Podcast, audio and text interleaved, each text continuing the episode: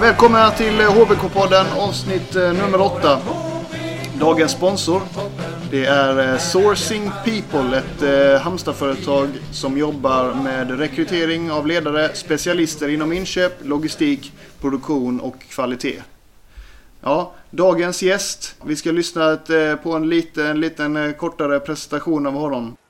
Håkan Svensson höll nollan 11 gånger när Halmstad blev svenska mästare i fjol. Ett genombrott som ledde till flera anbud, men hos Håkan är rötterna starka. Han har inte ens flyttat till Halmstad trots att han spelat där hela 90-talet. Rydebruk med 400 invånare, fyra mil därifrån, är Håkans eldorado. Ja, och hans meriter de talar ju helt och hållet för sig själva. Han har två SM-guld, ett cupguld, en olympiad och ett svenskt rekord i antal nollor i Allsvenskan. Och dessutom är han lastbilschaufför som i alla fall tidigare trivdes bäst i sitt alldeles eh, egna eldorado. Här kommer Håkan Svensson, Rydebruks Gordon Banks från kombihallen den 15 februari och vi börjar precis som vi brukar. Du eh, Håkan, hur skulle du beskriva dig själv? Hur skulle jag beskriva mig själv? Engagerad, alltså som, om vi pratar som tränare, så engagerad och, och eh, glad, spontan. Eh, säger väl kanske ofta vad jag tycker och inte alltid det går hem men jag vill vara ärlig och, och, och kunna, kunna stå upp för det jag, det jag säger och tycker. Eh, så.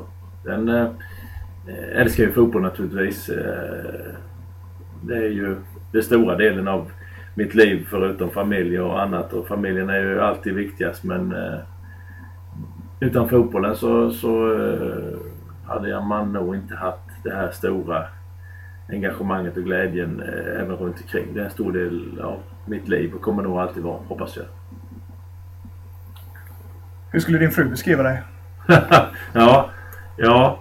Då, då kanske det kommer mindre, mindre bra grejer. Framförallt så skulle hon beskriva mig att, eh, att jag är eh, fruktansvärt dålig på att planera och det kan jag bara hålla med om. Jag är en, jag är en praktiker eh, även vad det gäller fotbollen. Jag, jag är ingen som gillar att, att sitta och rita och klippa och klistra och hålla på. Jag vill jobba ute på banan och på fältet där jag tror att det mesta utav sakerna görs. Eh, precis som på en fabrik eller någonting annat. Att är du inte ute där med din maskin och, så, och, och sköter det och är ute på golvet i fabrik så kommer det inte produceras heller. Ingen mötesmänniska heller för den delen som sitter och, och det är klart att det kan krävas ett annat möte men jag tror att man kan göra väldigt mycket ute på banan. Och tyvärr så är det hon som får stå för den stora planeringsbiten i familjen och det, det, det ber jag många gånger om ursäkt. Men, men, men jag försöker bättra mig vad det gäller den biten. Men där är hon helt klar på att, det är, eh, en, att jag är en dålig planerare. Det är en sak som är säker. Hur var det att eh, växa upp som Alf Tommy Håkan Svensson? Ja, du hör ju att det är från landet. Att, att man är från landet. Och det, det det var en eh, väldigt bra uppväxt tycker jag och eh, från en liten by som heter Rydöbruk då ju. Eh, nej, tryggt och bra på alla sätt och vis. Fotbollen eh, var ju med från början där också. Även lastbilar, maskiner och annat. Så det, det är lite pappa upp i dagen på mig. Fast han stod i mål också i Rydöbruk och, och han körde maskin och han körde lastbil. Och det, råkade bli precis identiskt med mig. Och jag hade ju, körde maskin och lastbil fram till jag började i HBK också. Och stod bakom honom i målet när han stod i mål. Och sedermera tog jag hans plats i A-laget också. Eh, alldeles för tidigt enligt honom. Jag var alldeles för ung. Jag hörde jag bakvägen. Han hade sagt till tränaren. Men det ville han inte erkänna när vi diskuterade idag. Men han fick spela i B-laget. Och, och jag spelade i A-laget. Och sen hade vi lite fina eh, sommarmatcher. Vi hade eh, några stycken som var duktiga på marknadssidan i lilla Rydöbruk i division 5-laget och lyckades få till oss både Queens Park Rangers och Chelsea eh, på sommarmatcher. Och en av de matcherna eh, Chelsea var det så gjorde jag en bra match och Stig Nilsson var och, och tittade och jag blev inbjuden till att provträna med HBK. Eh, 1990. Och gjorde bra ifrån mig där. Eh, så pass bra så att jag blev erbjuden kontrakt. inte helt utan en gammal kollegas eh, förtjänst måste jag lägga till.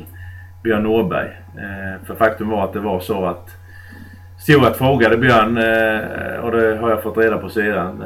Och trivdes ju väldigt gott ihop med Björn men tog ju hans plats senare. Men faktum var att det var han som tyckte att, att Halmstad skulle skriva med mig. För Stuart frågade Björn vad han tyckte om min kapacitet om jag kunde bli något och då har, har Björn, eh, jag har fått reda på i efterhand, sagt att absolut skriv med honom. Så jag har mycket att tacka Björn där också och jag har även lite att tacka för han för en och annan häftig inkilning men det är någonting helt annat.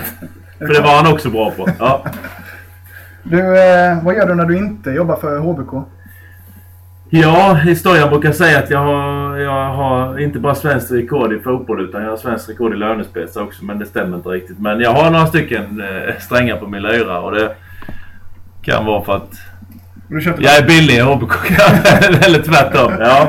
Jo, en annan lastbilsväng blir det också. Det gör det fortfarande. Men även det blir rätt så mycket mindre. Nej, min huvudarbetsgivare är ju faktiskt eh, Jonas Tern då i, i Calcio och eh, Christer som som är med där och som äger det och jag är verksam i deras fotbollsakademi. Jag har varit under väldigt många år, egentligen ända sedan 2008 när jag slutade Malmö FF så började jag jobba med Tern. Sen har vi kamperat ihop och drev ett fotbollsgymnasium eh, i Värnamo och nu sedan två år tillbaka har vi ett nyöppnat i Osby som, som eh, har fantastiskt roligt och det är fantastiskt roligt att jobba med Eh, och det, det, kan jag ju säga utan att jag ska trampa någon, i, varken i vår förening eller någon annanstans, eh, på tårna så är ju Jonas, eh, ja, han är ju Sveriges, Sveriges bästa ungdomsutvecklare. Det, det, det är bara så ju. Så att där har jag ju gått jämte honom med varje dag och fått jobba med ungdomar där jag inte bara jobbar med målvakt, jag jobbar med utspelarna också. Vi delar ju på det och, och, eh, nej, bättre utbildning än så det kan jag nog inte hitta vad det gäller att jobba med ungdomar. Och sen älskar jag att jobba med ungdomar också för de, där, där får man mycket tillbaka eh, och man ser glädjen och man ser eh, utvecklingen och vi jobbar ju mycket efter glädje naturligtvis. Även om vi kan ryta till ibland så ska det vara då, då, man ska älska fotboll, det ska vara roligt. Det, det här gamla med att ja, det måste vara tråkigt någon gång, det har jag, det har jag inte riktigt förstått. Utan jag vill ju gärna göra det till till en rolig upplevelse oavsett eh, vad det är. Hur gör man det då?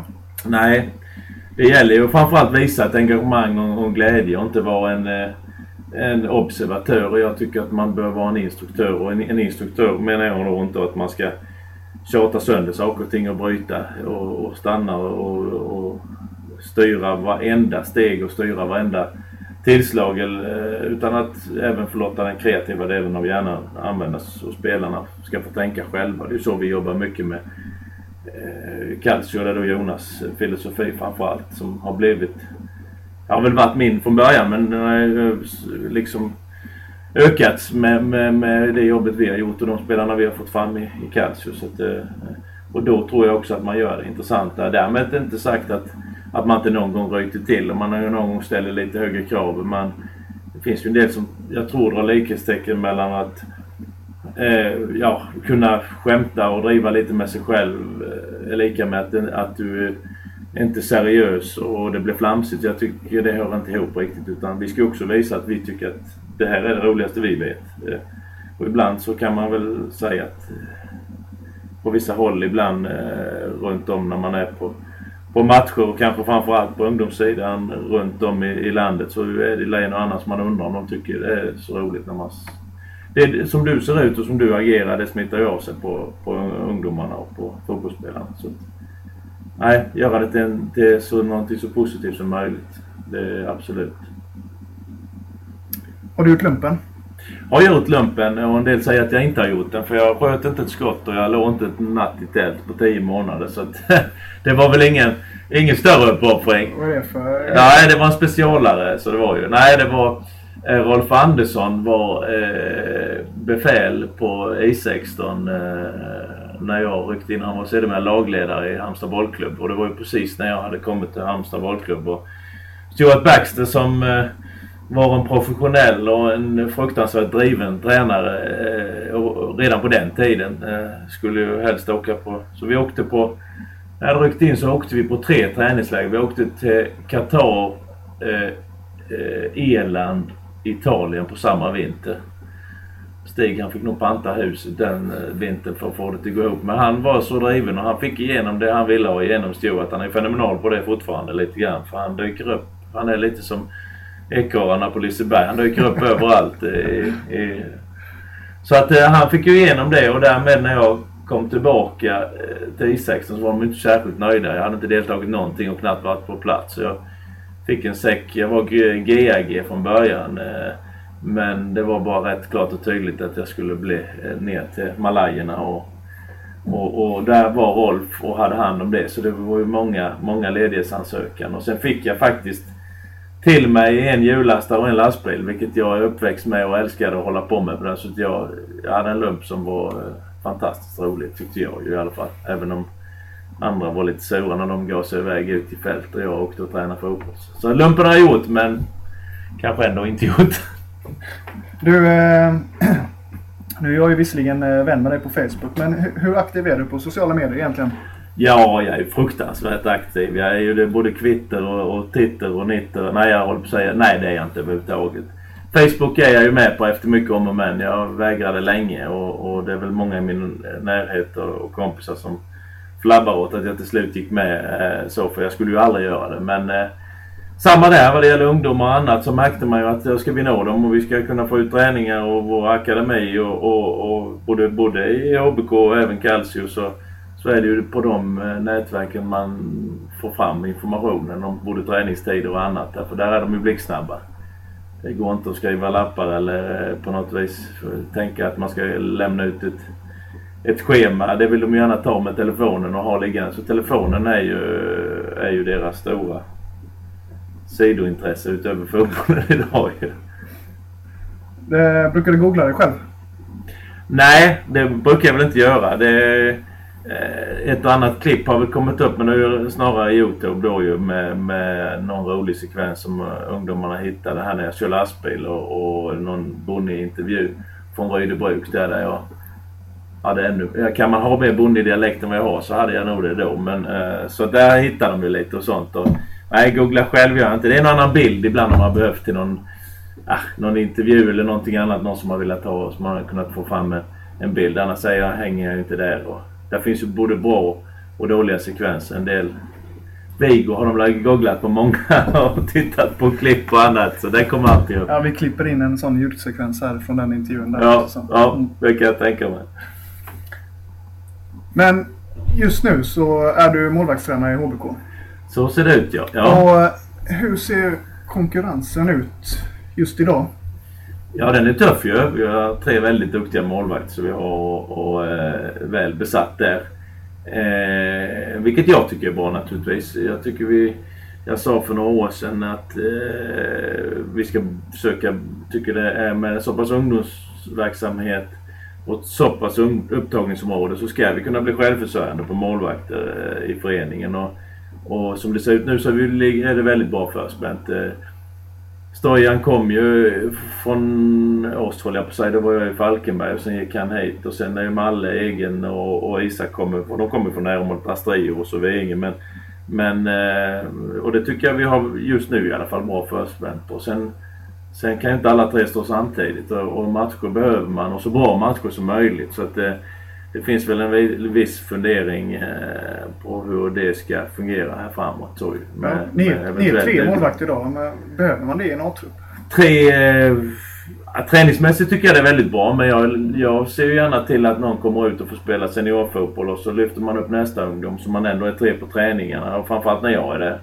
Eh, men även annars för att du är ibland väldigt utsatt med två. Om, om det sker någonting under träningen eller om det är någon skada innan eller kort varsel sjukdom så eh, hur roligt är det att ställa en utespelare hur roligt är det för den utespelaren att stå i mål i elitsammanhang om, på en träning eller att man kör med en målvakt. Så jag, jag tycker att man ska, eh, det är väldigt bra så sett och de sparrar varandra bra och tre är ett bra antal om man vill eh, köra på lite tuffare och så. så. Men, men som sagt eh, matchningen är otroligt viktigt så att eh, men eh, jag ska säga att jag, jag, jag, jag tror inte att de, de gör nog inget utan att fråga vad jag tycker så sett. Men annars har jag faktiskt lite dålig koll på hur, hur eh, föreningen tänker just i det läget nu. Eller då de som styr lite grann. Men det kommer mig nog till, till, till känna när, när, om det skulle bli aktuellt.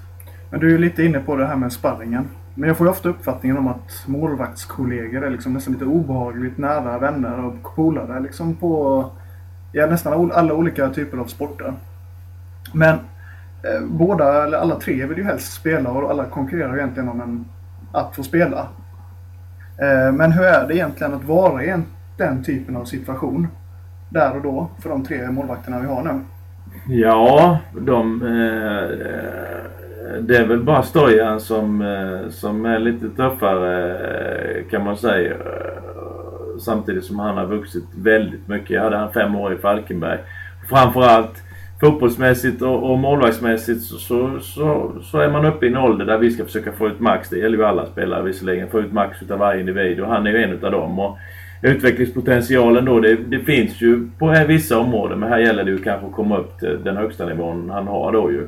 Och, och en av sakerna jag försöker lite grann eh, spilla över på de andra det är ju att den vinnarskallen och den tävlingsskallen Stojan har att man får över det på ungdomarna. Och Malle har väl gått ifrån att ha varit eh, väldigt snäll herre från början till att eh, lite grann meta för sig. Och det, det måste man göra oavsett om du är utespelare eller målvakt så måste du liksom eh, konkurrera. Du, du, du, du, du, ska, du är ju liksom inte glad när konkurrenten går ut på, på mattan och tycker att det, här, det var ju kanon det här att han får spela. Utan nej, det är klart att man ska vilja stå där inne ju. Sen behöver man inte vara otrevlig eller på något annat vis.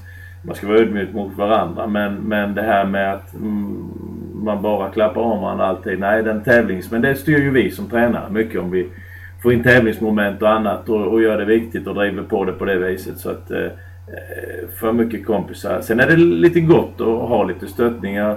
Eh, Isak fick en, eh, en bra stöttning utav Stojan eh, nu mot Gais borta det är ett mål han borde själv tycka att han ska, ska ha och, och man känner att de klarar Isak 9 utav 10 sådana. Eh, men så händer det som en målvakt kan hända, att det blir ett misstag och då står Stojan väldigt snabbt eh, framme där och där är ju den största förbättringsprocenten jag har sett nästan på Stojan är ju hans, hans ledarskap lite grann. För att eh, där har han mognat och förstått att hjälpa ungdomarna mycket mer än tidigare kanske det var lite tvärtom att man, eh, man var lite tuff i dem. Utan nu, nu, nu ställer han krav men ändå på något vis är en, en eh, hjälpande hand. Så, så det har mognat fram på, med åren tycker jag.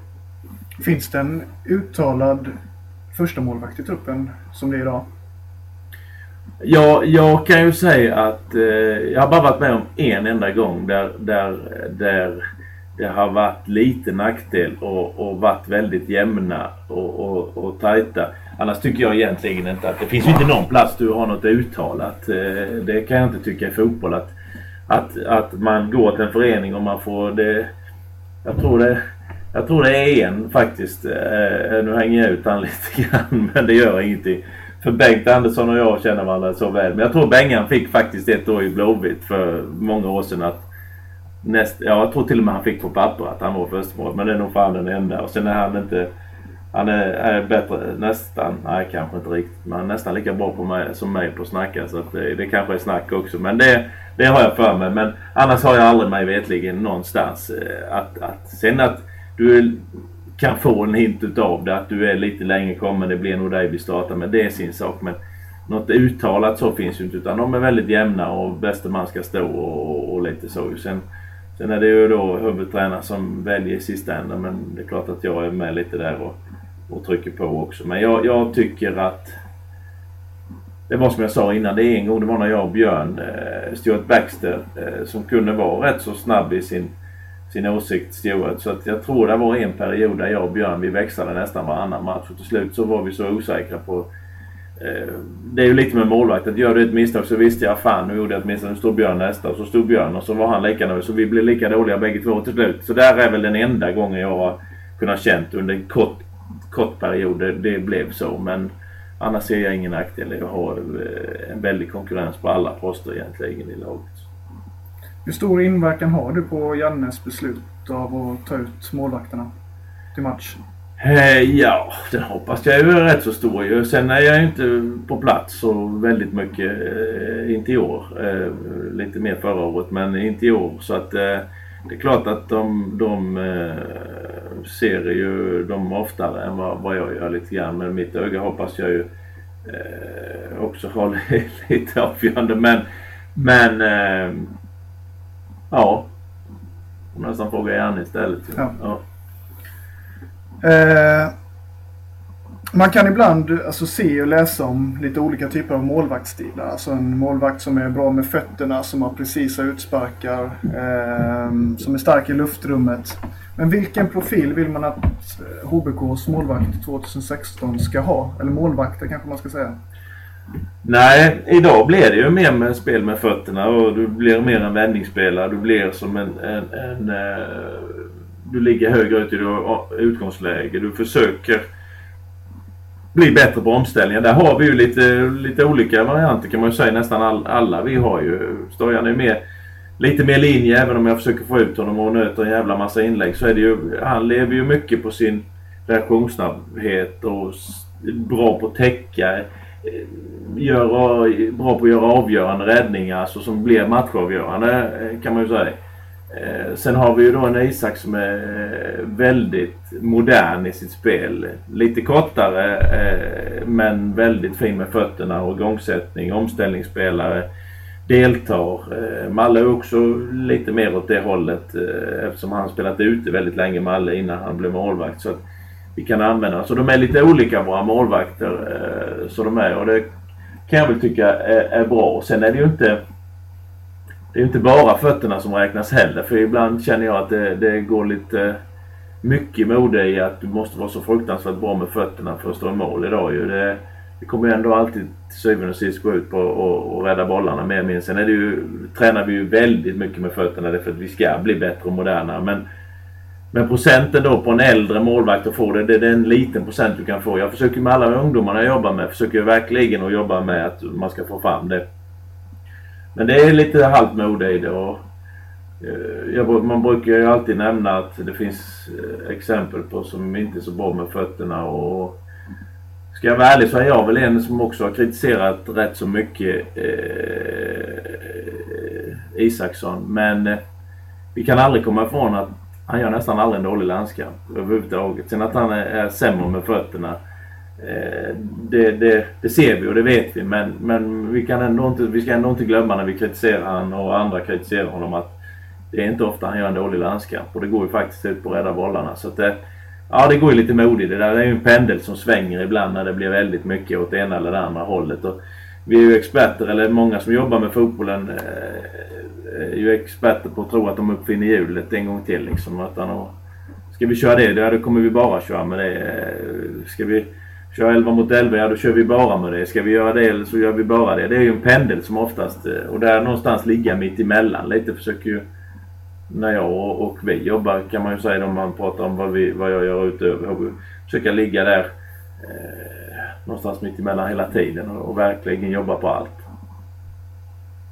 Men målvakten är ju sista utposten i försvarsspelet. Och, men hur mycket inflytande har ni målvakter, eller du som målvaktstränare, på själva försvarsarbetet? Nej, det hoppas jag att jag har. Jag har ju kombinerat mina roller genom åren. Jag var både assisterande målvaktstränare i Falkenberg, vilket jag tycker var en perfekt roll också.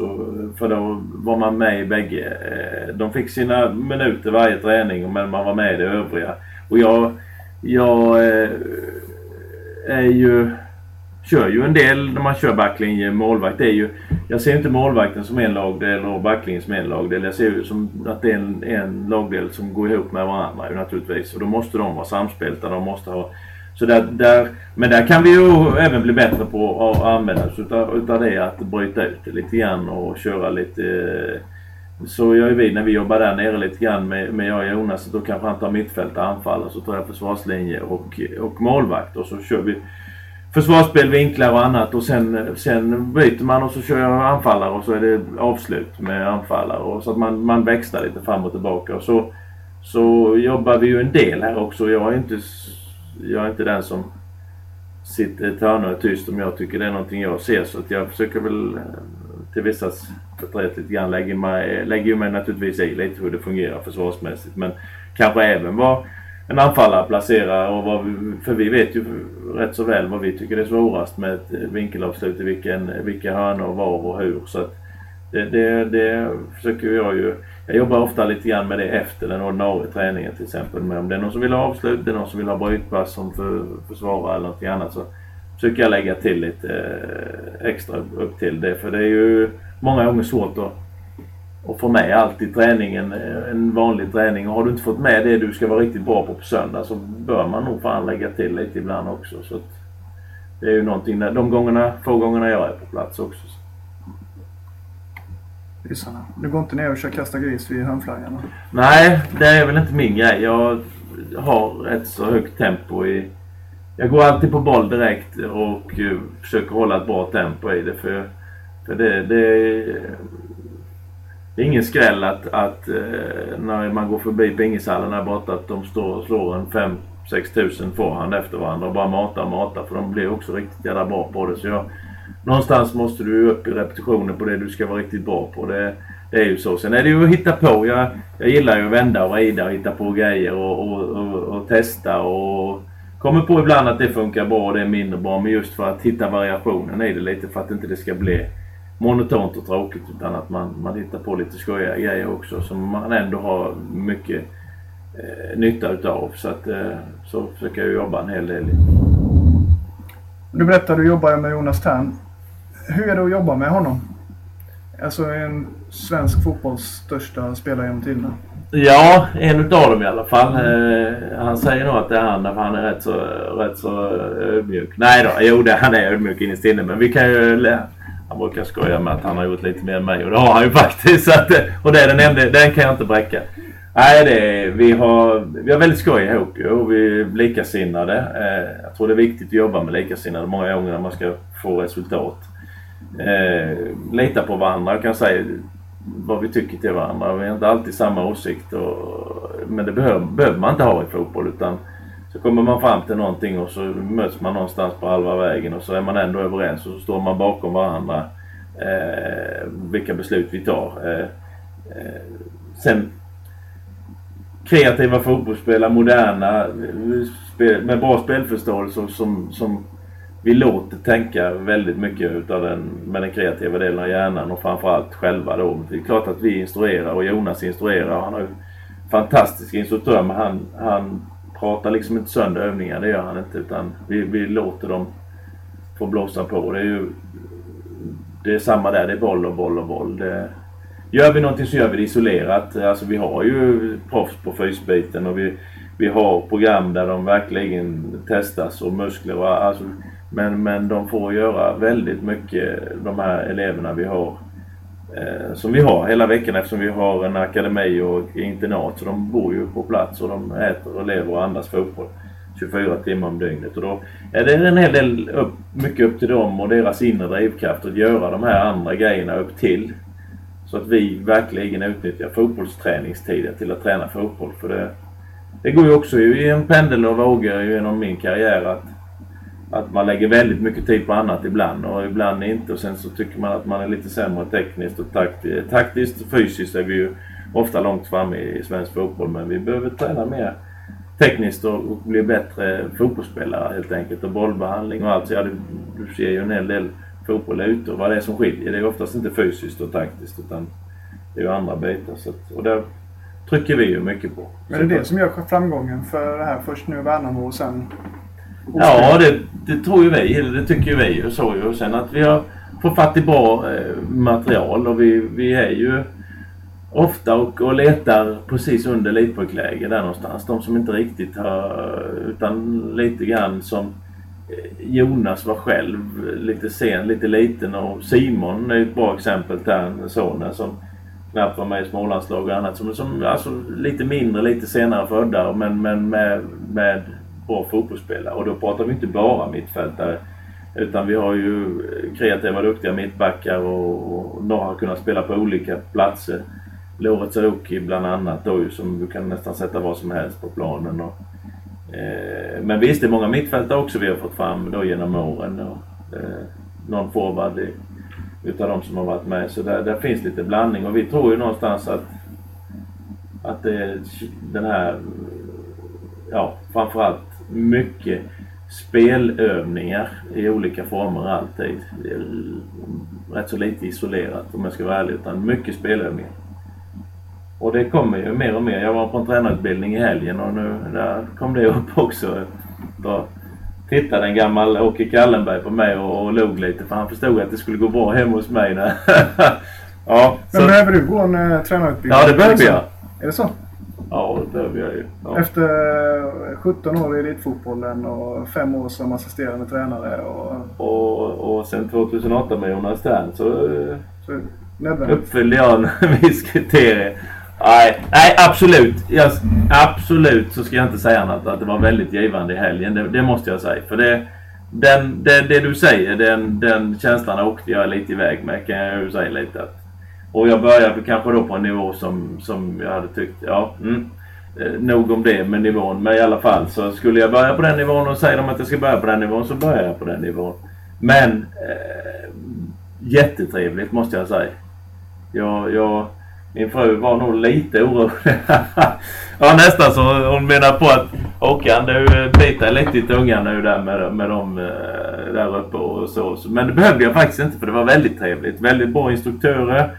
Eh, konstigt nog så jag kände nästan om jag hade blivit lite avlyssnad för det var väldigt mycket av det jag känner och det jag står för som kom fram där. Så, eh, det var väldigt trevligt och så framförallt träffa väldigt många yngre tränare eh, som brann för fotbollen och var jätteintresserade både i när vi körde praktik och, och teoretiskt. Så, så att eh, både, både damtränare och herrtränare, ungdomstränare, division 5-tränare alla möjliga... Eh, väldigt trevligt var det måste jag säga. Och det, det, det trodde jag väl kanske inte riktigt när jag åkte iväg men det, det var väldigt bra. Och framförallt bra instruktörer som... Och det har väl också svensk fotboll hittat lite grann att, att Jo men det är lite så här vi måste jobba ju så. Så att det, det var inga konstigheter med det. Sen får jag gå den naturligtvis och sen har jag den på papper och, och om jag nu behöver visa upp det någon gång så Ja.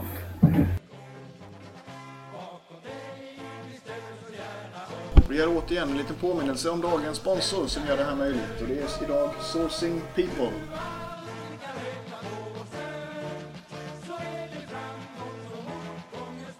Du är en legendar i HBK-ögon hos många. Två SM-guld, ett cupguld. Spelat Uefa-cupen. Ett svenskt rekord och en olympiad. Men annars så hade du med det mesta ju. Men berätta du orkar de heller inte höra ungdomarna. Så nej, det bra. Berätta mer om den eh, tiden i... Alltså den... Det är ju den största tiden i HBKs historia i mångt och mycket. Ja, det var fantastiskt måste jag säga. Ja, det var det ju. Det, det är ju en... Eh, jag kom ju då från eh, bonnahålan Röjdebruk och hade varit med farsan och på sin höjd och köpt pilsner i Helsingör. Det var väl den längsta utlandsresan jag har gjort ju. Hjälpa han att bära lite också. Eh, och få åka iväg och, och liksom se hela världen i stort sett. För vi hade ju en fantastisk eh, period där och väldigt Cupmatch, Intertoto, Uefa, eh, träningslägena. Eh, det blev ju en helt annan värld för mig som hade spelat division 5-fotboll i, i Så det är ju, och de här framgångarna från, i alla fall från 92 då när vi började med att plocka upp. Eh, jag spelade väl x antal matcher 90 och några 91 och sen blev jag ordinarie 92. Så från 92 framåt där så... Eh, Parma-match 95. Nej, nej och all, all, framförallt också alla de här resorna och de här spelarna man har spelat med och, och gått igenom och, och fått, fått vara med. Det är ju det är fantastiskt. Det var ju ett helt landslag ibland sen längre fram med, med, med de här lirarna. Ljungberg är ju, är ju fantastisk när han kom fram som den här lilla mini-Zlatan lite grann om man ska vara sån när han kom fram med mycket skinn på näsan och annat och, och, och redan som ung. Men ja, fantastisk fotbollsspelare. Det, eh, nej, det var ju en fantastisk period ju. Eh, det måste jag säga. Och den är nog tuff att, att, att komma tillbaka till. Men att ha varit med och fått uppleva den är ju fantastiskt. Vem var du i gruppen? Alltså vi säger då från 95 när ni tar eh, cupguldet till 2003 när du, Tre, gick över? 2002 ja. gick jag ja. 2002. Nej, jag var ju den försynta som satt i hörnet och inte sa någonting och försökte. De andra levde ju om och jag, jag var väldigt blyg och väldigt... Nej, det var jag Nej. Nej, jag och Robert Andersson stod väl för rätt så mycket av snacket. Eh, han kanske är ännu bättre än mig på att snacka men, men eh, gamängen lite grann kanske då om man säger så. Och, men väldigt eh, blev ju väldigt tidigt målinriktad sen jag kom till HBK. Jag var, var väl eh, ingen träningsmänniska innan jag kom till HBK och förstod inte riktigt. Men jag kände att min talang utvecklades så pass fort och så pass mycket utav, utav fotbollsträning att jag tyckte det var så förbannat roligt och vi var ett fantastiskt gäng och det var, det var bara fullt av vinnarskallar och det var drivna, drivna människor och duktiga fotbollsspelare så, så gjorde ju att vi blev ett tajt gäng och vi på den tiden så, ja det blev vi ett proffs varje år ungefär. Vi sålde men vi var rätt så homogen grupp och vi var rätt så samma och vi var ungefär i samma åldrar och hade samma intresse och, och, och utanför. Så det var det var familjärt och Stig var väl en stor del utav det för han var ju väldigt noga med att det skulle vara familjärt och,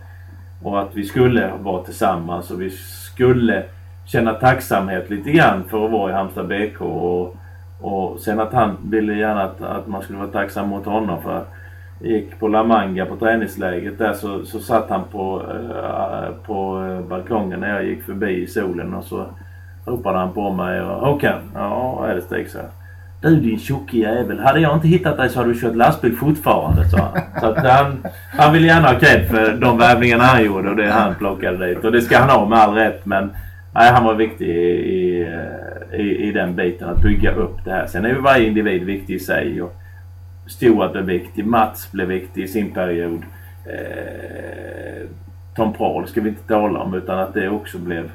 Och de här eh, spelarna som passerade revy också naturligtvis. Eh, nej, det, det var en fantastisk tid och någonstans så, så ska man ju försöka hitta tillbaka till det lite grann. Och, och, och eh, men, men som sagt, det, det, det var en eh, fantastisk period att ha varit med om. Men det, leva på gamla meriter och, och spola tillbaka. Men jag har ju mycket grejer att ta utav eh, därifrån tycker jag i mitt ledarskap. Och, sen har jag haft nio allsvenska tränare också eh, som jag plockar lite utav varje individ det, det bästa. Och så visste man att man tyckte att någon gjorde det mindre bra så försöker man ju undvika de situationerna. Så att, fotbollsmässigt var det ju mycket utav de här de kompisarna har man ju kvar idag då och följt och, och nej, det var fantastiskt. Vilken målvaktstyp var du? Nej, jag var ju fram till jag gick till AIK så var jag ju en linjemålvakt kan man säga. Reaktionssnabb. Eh, ville gärna göra lite spektak spektakulära räddningar. Eh, Ravelli sa alltid att du ska alltid göra så jävla mycket publikräddningar. Ja, han var ju rätt lågmäld själv. Han, ja, så han hade väl... Men någonting låg det nog också i lite grann att jag gillade att, att, att synas och göra dem. Och, och sämre i luften kanske under Halmstadperioden men det var någonting vi jobbade väldigt mycket med när jag kom till AIK. Så jag kände att under den perioden jag var där så blev jag, jobbade man. Återigen, jobbar man med något så, så ibland glömmer man ju av lite att man kör det ena och det andra, man kör under veckan och så det du ska vara bäst på på söndagen, det har vi inte kört någonting under hela veckan. Faktum är att så kommer man ju på sig själv och man ser andra också göra. Så att vi nötte mycket på det jag och Almgren. Almgren var väldigt fin där eh, Anders som också själv hade spelat både i Djurgården och AIK. Att, och han var ju yngre än mig. Så han tyckte lite att eh, ah, du ska må väl, du ska må bra och så ska vi hjälpas åt med detta istället för att komma med eh, så jobbar jag ju också mycket, att prata mycket med ungdomarna, ringa dem när de är på ledighet och ringa och, och de kan ringa mig och, och liksom vi, vi, vi gör ju det här tillsammans lite grann och det var Anders väldigt bra och då då kom vi överens om lite att vi, vi kör på en hel del utav eh, inläggsspelet och detta och så. Så det blev ju bättre under den perioden. Men annars var det väl den här reaktionssnabba eh, målvakten jag var lite grann. Du är inne lite på det här tidigare med din och Björn Nordbergs relation. Att det var ändå eh, tydligen då en ganska bra relation. Ja det var det ju. Det var ju inkilningen i Italien som blev lite tuffare än jag trodde. Men, men annars var det... Vad hände, vad hände då? Nej då. Nej, det är preskriberat. Så att det, nej då. Men, det var rätt lugnt. Du, du blev ju inbytt efter att Björn skadade sig och sen fick han aldrig tillbaka tröjan. Eh, du sa eh, Ja, jo men han blev skadad 90 och så spelade jag x antal. Sen så tror jag han gick sönder 91 någon runda. Sen, alltså petningen eller vad man ska kalla det var ju 92 då. Då var det, sen stod jag ju med något undantag. Eh, eh alla tränare trodde väldigt mycket på mig. Eh, men det är en som har petat mig eh, rejält. Och så. Och det, det var inte så roligt. Och, men eh, han är anställd hos idag ju, så det är Jonas Tern. Så det får han höra rätt så ofta. Men men, vi är kompisar idag ju. Ja. Så att, eh, jajamän. Jo, han är faktiskt den som under längre period petade mig lite grann efter, efter då ju. Men jag hade varit inne i operation i knäna och lite annat och så. så att, ja. Var det sura miner då eller?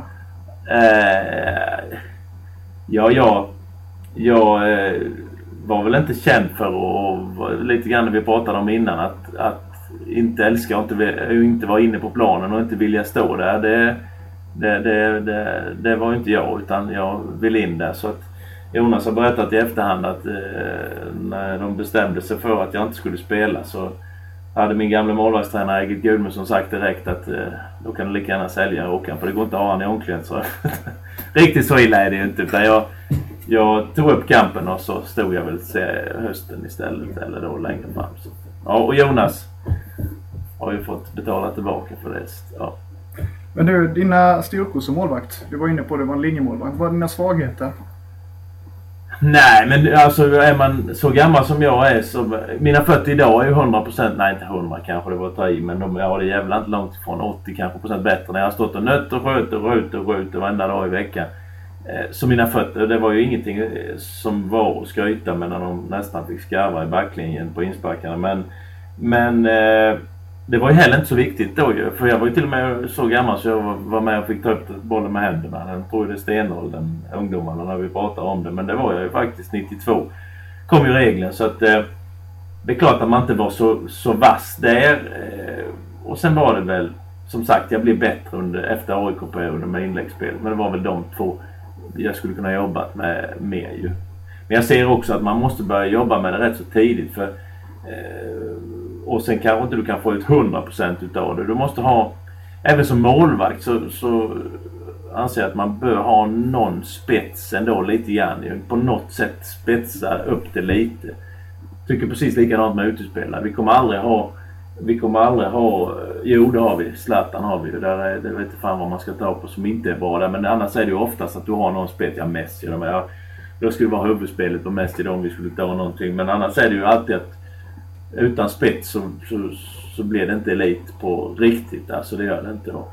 Ljungberg vet jag och jag har sagt det tidigare, han får ursäkta mig men jag var inte särskilt orolig när han kom på skott från 16 meter med, med sin, sitt skott och inte när han nickade heller. Men han var ju förbannat bra fotbollsspelare och OBKs bästa spelare genom tiderna då ju. Så att, eh, det är klart att du måste ha en spets. Så det gäller ju lite grann på målvaktssidan också. Det är ju lite, om vi tar Isak som exempel. Då har han här akilleshäl lite grann på fötterna. Men han är ju jävligt bra på att stänga igen för övrigt. SM-guld 97.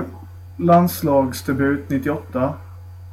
Eh, hur ofta blir du påmind om den matchen i Spanien? ja, jag tror inte det var debuten faktiskt. Var det inte? Nej. Ja, det var Söderbergs debut. Ja, det var det. Ja.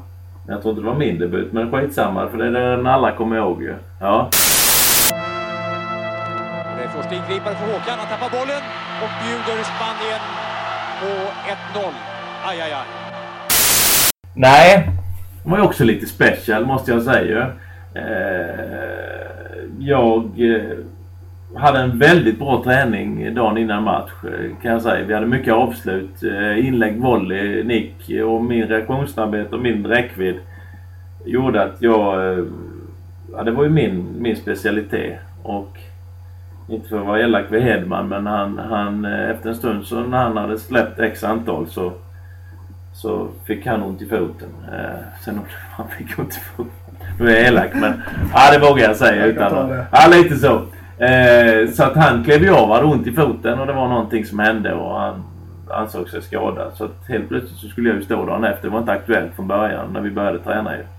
För att det var ju Hedman som skulle stå. Så att jag fick hoppa in och ställa mig där och eh, kände på uppvärmningen att det funkade inte riktigt och de vattnade som fan och så den nya Riddarspån det är någonting jag aldrig har berättat för någon eh, journalist eller någonting överhuvudtaget. För jag tyckte det var bara dumt att stå och ursäkta sig då vid den tiden. Och tycka att inte det funkade riktigt med handskar och annat. Men det gjorde det ju inte. Eh, och jag fick lite halvpanik utav det och det kändes lite darrigt. Och ändå väljer jag det beslutet tidigt i matchen att försöka hålla den istället för förlänga den. Eh, och det har man ju fått äta upp några gånger. Så att, eh, men jag känner... Ah, det, gråta över spilld mjölk. Liksom, det är många som har sagt ja om du hade gjort en bra match så kanske du hade haft en landslagskarriär som hade varit hur lång som helst. Jag hade inte Stig Nilsson varit i Rydöbruk och tittat på när jag spelade mot Chelsea så kanske jag aldrig hade kommit till Halmstad bollklubb. Och då hade jag aldrig fått uppleva allt jag har gjort med Halmstad bollklubb. Så att, eller AIK eller alla de andra klubbarna jag har varit i. Eh, så, ah, så kan man inte heller riktigt. Men det är klart att jag fick bära hundhuvudet över en dålig organisation. Eh, vi mötte ett bra lag. Vi hade... Tränarna var ju... Ingen var klar på riktigt hur det här skulle fungera och ingenting. Utan det var jag längst bak som som fick bära hundhuvudet. För det var ju det misstaget. Sen så hade jag ju lite räddningar och det var inte så jävla mycket annat jag kunde göra åt. Men eh, det blev jag som fick ta det. Eh, sen har jag fått mycket cred utav journalister sen senare men det, det håller jag på att säga skitsamma nu. Men att jag gick ut och tog det direkt efter för de, de trodde jag skulle dra iväg och inte göra men jag bara gick, ut, gick ut i intervjuerna direkt. Hur hanterar man en sån sak efterhand? Alltså jag kan ju tänka mig den just där och då så var det jäkligt tungt. Ja det är det ju. Och målvakt framförallt. Och när det vevas och vevas och fram och tillbaka och det betyder mycket för Nikea. Så hade jag en tung period efter den. Måste jag säga. Eh, men någon sorts utav mental träning och med hjälp utav den atmosfären jag hade i Halmstad bollklubb då och de killarna runt omkring där de tyckte jag var bra och, och, och tränaren tyckte jag var bra. Och, då hade vi väl, detta var 98 va? Ja. Eh, lite sämre år 99 men sen tog vi SM-guld 2000 och då blev jag årets målvakt eh, på galan och jag fick någon, någon eh, träningslandskamp till ytterligare som jag faktiskt höll nollan i eh, senare. Så att, eh, ja. Var det då det blev eh, var det 2000? Det var 8,5 match också? 2000 var det ja. svenskt rekord i nollan där 8,5 match i rad ja. ja. Så att det, det, det var tungt 99. Alltså tungt 99 rent sportsligt. Jag kommer inte ens ihåg vad vi blev 99. Men, men alltså personligen så, så, så, så hängde det i rätt länge. Men jag tyckte ändå att jag kom över det sen. Och så fick jag någon liten sån här bonuslandskamp sen uh, utöver det. Så, jag tror till och med den, den ena var väl när Zlatan debuterade tror jag. Växjö? Ja, precis. Ja. Du, eh, det stack ju också i ögonen lite grann Sved något när eh, du gick till AIK? Ja, det gjorde det väl kanske lite grann. Ja, eh, det var ju en lång, eh, lång förhandling om ett förnyat kontrakt bland annat som det berodde på. Och, jag hade sagt, sagt eh, att vi kör vidare som vi haft innan och klubben tyckte att vi skulle gå ner lite och, och där var vi väl lite oense. Och, jag tänkte att vi, nej men vi kör som innan och så kör vi på tre år till Och, Så, men det, och det var väl inte förrän på slutet och då har eh, det kom fram lite att ja men då kör vi på det och då hade jag redan en biljett till Stockholm och pratade med dem. Eh, så jag måste ju upp och lyssna vad de har att komma med och, och, och titta på det lite grann. Och då blev jag ju inbjuden eh, till ett då rätt så fräscht, fräscht och fräscht men väldigt trevligt Råsunda då runt och titta runt och träningsmöjligheterna och träffa allt runt omkring och den hypen som var och, och eh, se vilken storklubb det var och, och bland annat då, eh, då kände jag lite grann att, att det lockade eh, naturligtvis komma till en större klubb och fantastisk eh, start där också sen när jag väl hade gjort valet. Även om det var, det var vemodigt lite grann för man hade ju... Eh, men, men så som tävlingsmänniska man är och som idag, idag ska vi inte tala om. Då är det ju det är ju ett yrke och du, du vill prestera så bra som möjligt, så högt som möjligt. Det vore ju, jag tycker när ungdomar ibland får chansen att komma till stora föreningar och, och, och spela och få uppleva det, det man har gjort så jag ångrar mig inte efteråt med den upplevelsen jag har fått. Sen kan man aldrig, aldrig spola bort Håbokoperioden för det är den bästa tiden jag har haft i min fotbollskarriär eller kanske till och med i livet i stort sett tillsammans med familjen för det säger ju frågan också. Men just att få upp hypen och det som händer på ett Stockholmsderby och 35 197 och fullsatt Råsunda. Och det är ju också en kick naturligtvis. Och få vara en av dem då som, som är med där och, och det. Så det, det, det i efterhand. Eh. Och så är jag rätt nöjd med att HBK fick betalt också för det, det, det får man inte idag. Jag var ju bossman men eh, HBK fick betalt i november månad och mitt kontrakt gick ut i december. Ja, så det kunde varit noll kronor då men de, AIK valde på den tiden, jag, jag tror inte de hade gjort idag men, men då i alla fall kände de lite att de ville göra lite rätt för sig för de tog mig så sent. Jag tror det var 800 000 eller någonting och det var ju pengar på den tiden. Så Ja, att, ja. eh, eh, jag blev ju inte bossman heller då ju. Eh, så att då kände jag också att eh, ABK fick lite för det. Och som sagt alla de upplevelserna där och, som jag fick vara med. Men hur var det att komma tillbaka till Örjansvall sen efteråt? Det var ju eh, bortamatch året efter. Ja, det var ju väldigt konstigt naturligtvis. Som man, jag tror det var 14 säsonger eller vad kan det ha blivit då i HBK? Man skulle gå bort mot, mot andra hållet i omklädningsrummet. Nej, det var ju väldigt, väldigt eh, konstigt eh, för mig. Det var det ju. Och jag eh, så många minnen och så många upplevelser. Sen har man ju yrkesstoltheten och då hade man bra period i HBK så vill man ju inte visa sig att man har blivit sämre när man är i en annan tröja. Så att, det handlar ju om tävlingsinstinkten och den skallen också där ju. Så att det, det funkade ju. Men jag tror... Ja, det jag minns mest det var ju att... Eh, jag minns bland annat, undrar om det var på Örjansvall, att Chabel Toma sköt Texas i huvudet så han gjorde mål. För annars hade han inte gjort några mål Det var på. Råsunda. Det var Råsunda, ja jag trodde det var på Örjan. Ja, det var ju tur det. För Texas eh, råkade bli skjuten i huvudet och gjorde mål och det sitter ju rätt hårt inne nu när vi träffar varandra här på kansliet. Så. Du, vad skiljer sig HBK nu från när du eh, var aktiv i klubben? Usch, ja det... Ja. Herregud, hur ska vi börja och vad ska jag säga och inte säga? ja, ja. Nej, men det är klart att det är annorlunda. Det är det ju. Det är ju någon... Eh, det är ett tufft jobb framöver, absolut. Det, det, då, då var vi ju i stort sett på uppgång ända från 92 kan man ju säga framåt till det tills jag slutade så låg vi ju vi gick uppåt och vi låg där uppe och det fanns en ekonomi och det fanns ju försäljningar och det fanns en, eh, en, en, eh, ja, en, en framåtanda och, och det. Och det är ju någonting som, som efterhand dalade och har gått neråt och resultaten och ekonomin har ju mer utblivit och så. Så att det, det, det är klart att för att vända denna nu så är det ett väldigt hårt jobb, det är det ju. Och ibland gör jag en liten liknelse med, med om vi skulle kunna hitta, vi skulle kunna åka göra lite som Elfsborg gjorde för de var lite i samma läge en period att de, de, hade, de hade dåliga resultat, tråkiga arena och, och ingen vidare ekonomi. Men så gjorde de den här satsningen, de gjorde detta. Så att, eh,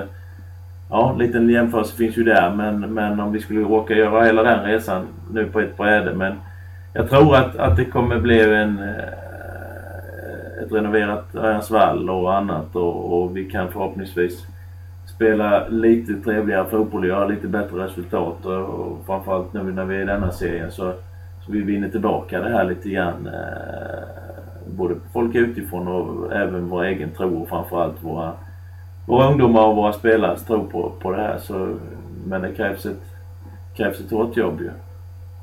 Jag tror du om årets säsong. Ja, jag har ju varit fem år som assisterande i Superettan så jag har ju lite Superettan-koll sådär eh, även om det är ett tag sedan. Men, men just fotbollsmässigt hur det, hur det kan se ut. Så att eh, eh, vi ska nog vara rätt så ödmjuka så och, och, och för man, ibland kan man tro att det skiljer väldigt mycket men det är ett annat sätt att spela fotboll på också i Superettan. Så att, eh, att någonting enkelt det finns ju inte. Eh, och det finns några bra lag också. Eh, så att det, det kommer bli ett tufft jobb och och få till det här. Det är det ju. Men, men eh, har alla åt samma håll och vi gör bra saker. Framförallt ute i produktionen. Om jag nu återgår till det jag pratade om tidigt. Det, det, det är, eh, kan man inte komma ifrån att, utan att det är viktigt.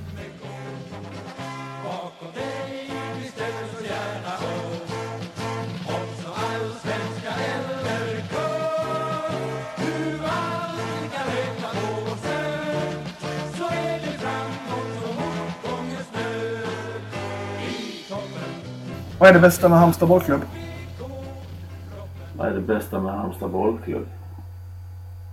Ja, för mig är det inte svårt att säga. Vad som har upplevt allt som jag har gjort här. ju, Det, det, det, det är det ju. Men eh, vi ligger bra geografiskt sett, Halmstad. Vi, vi, vi, vi har tappat lite utav det här eh, upptagningsområdet och tappat lite utav det vi hade tidigare. Jag, alla runt omkring och, som vi kom från småklubbar skulle ju bara till Halmstad bollklubb och det, det är klart vi har tappat lite utav det men fortfarande finns det nog någonting kvar som säger att man, man vill gärna till HBK utifrån småföreningarna i, i framförallt närområdet. Och, och, så, och vi har väl förhoppningsvis en status men jag tycker vi ska vara väldigt ödmjuka också för att vi, vi, har ju, vi är inte riktigt där vi har varit. Så att jag känner själv att jag vill vara väldigt ödmjuk eh, ut emot både då småföreningar och andra och klubbar runt omkring. Och, och, men, men att vi fortfarande hoppas jag har en liten dragningskraft mot oss. Eh, men vi, vi bygger ju upp den,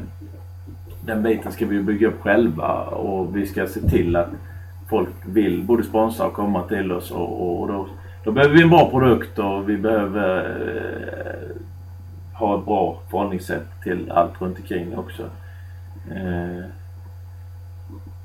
ja, högskolestad och lite annat. Men det finns ju möjligheter för, för någon som vill komma. Och jag kan tycka också att eh, det är en bra språngbräda för eh, de som vill vidare ut. Och, och, och där måste vi också känna idag lite att fotbollsspelare är ju ett, ett yrke. Och lyckas du inte och du inte presterar så, så får du inga jobberbjudanden. För det är ibland lite lätt att tycka att ja, men den hoppar från klubb till klubb. Men du får inga nya erbjudanden om inte du presterar. Och, och, och som just nu är vi vill ju, jag skulle helst vilja ha en världsspelare och att han skulle vara här hela tiden naturligtvis. Men att även ha det som ett litet mellansteg för att ta sig ut naturligtvis är ju, eh, tycker jag inte heller man behöver vara vara rädd för. Så ska vi ha en väldigt stor nytta utav dem under tiden och de ska bli en förebild för våra ungdomar och någon som för våra ungdomar ser upp till och, och, och vilja bli som och vara som.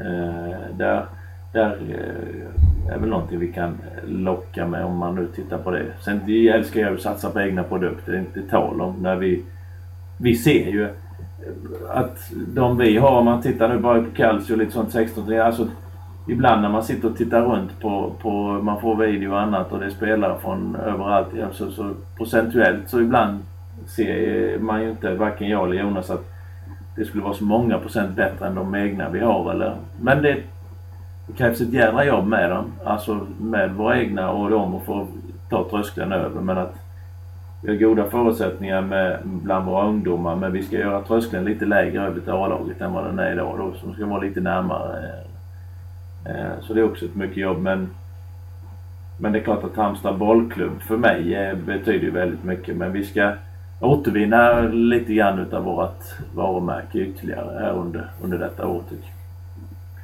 Vilken HBK-spelare eller HBK-tränare rent historiskt skulle du vilja ta en öl ihop med idag?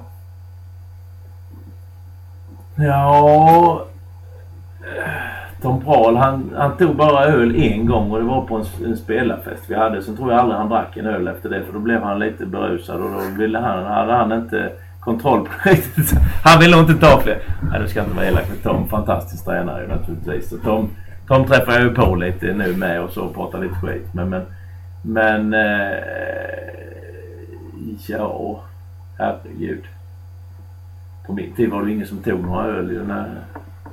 Jo, det var det. Eh, vem skulle det vara? Ljungberg är en fantastisk spelare och att man ska ta fram någon som kommit längst ut allihopa. Men, men eh, nej, Björn var ju ett tag sedan så att eh, där hade det varit lite trevligt igen. Jag hade hans son på fotbollsgymnasium ett tag och, och eh, lite så, så. Men någon gång springer vi på varandra men väldigt sällan så. Egil Gudmundsson är en av mina gamla målvaktstränare. Ska vi ta fram... Eh, Stewart drack ju ingen öl direkt så heller så att det blir svårt med honom. Det får bli ett glas läsk i så fall. Eller nej inte läsk för fan vad säger jag? Vatten. Han, drack, han gjorde inget onödigt så. Alltså, onyttigt. Låter kul. Ja. ja, nej, bra tränare ska jag inte säga. Nej, så det, det, är lite svårt. Så Björn blev väl på spelarsidan och sen kanske Ägget som på tränarsidan. Eh, för det, vi träffas alldeles för sällan. Annars försöker vi träffa på varandra. Så. Men jag har haft, eh, det är många trevliga bekantskaper genom alla åren här, det måste jag säga. Det är fantastiskt. Och ibland försöker vi få några ihopkomster där vi kommer ihop några stycken utav det här gamla gänget i alla fall. Vem är mest fåfäng i föreningen? Idag? Idag? Ja.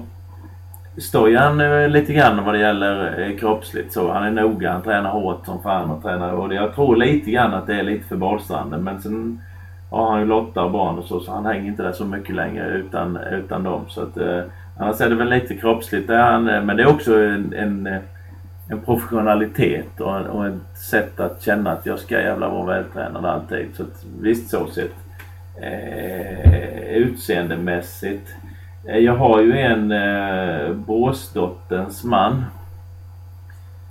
Eh, och då är det Jesper Westerberg. Ja precis. Där snackar vi inte eh, GKs och Ullared-kläder eh, som jag går runt i utan där är lite värre kläder. Ja, så att han är ju noga.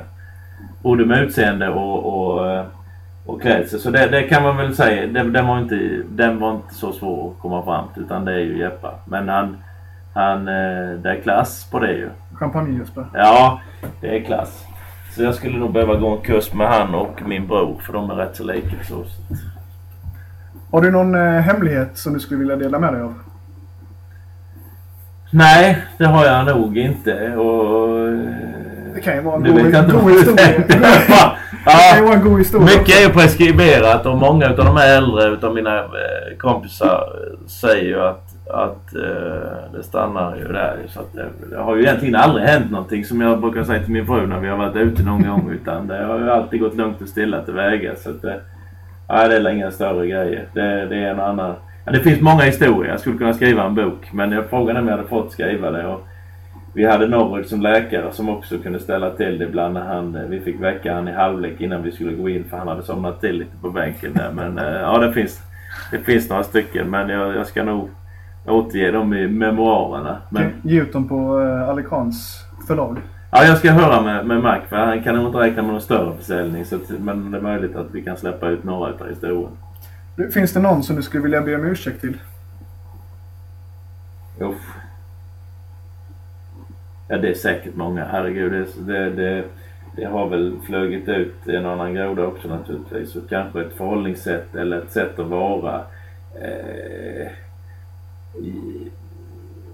Jonas och jag har ju pratat några gånger om, om eh, det är klart att jag var, var lite så mot honom kan man ju lugnt påstå när jag inte spelar. Det, det, det kan jag villigt erkänna. Men vi går ju bra ihop nu så att det är ju glömt. Men jag hade ett förhållningssätt mot honom som inte var riktigt okej okay just då. Det kan jag ju säga så här efterhand. Om, eh, ja, så att det är väl, det är väl en, en utav, utav de grejerna. Sen, sen har det varit en och annan eh, vi hade väldigt tuffa gånger. Vi hade tufft ute på träningarna när vi hade den här bästa perioden. Men det betydde också att, att vi, vi släppte det väldigt kvickt. Men det var just för att vi var så målmedvetna och så drivna. Så att det hände ett och annat ute på planen som inte var okej okay, naturligtvis. Men, men det räddades alltid ut, reddes ut omedelbart och vi kom vidare med det. Och det var just för att det var en samling eh, vinnarskallar som ville så mycket som möjligt med sin fotboll samtidigt. Och då, då, då blev det ju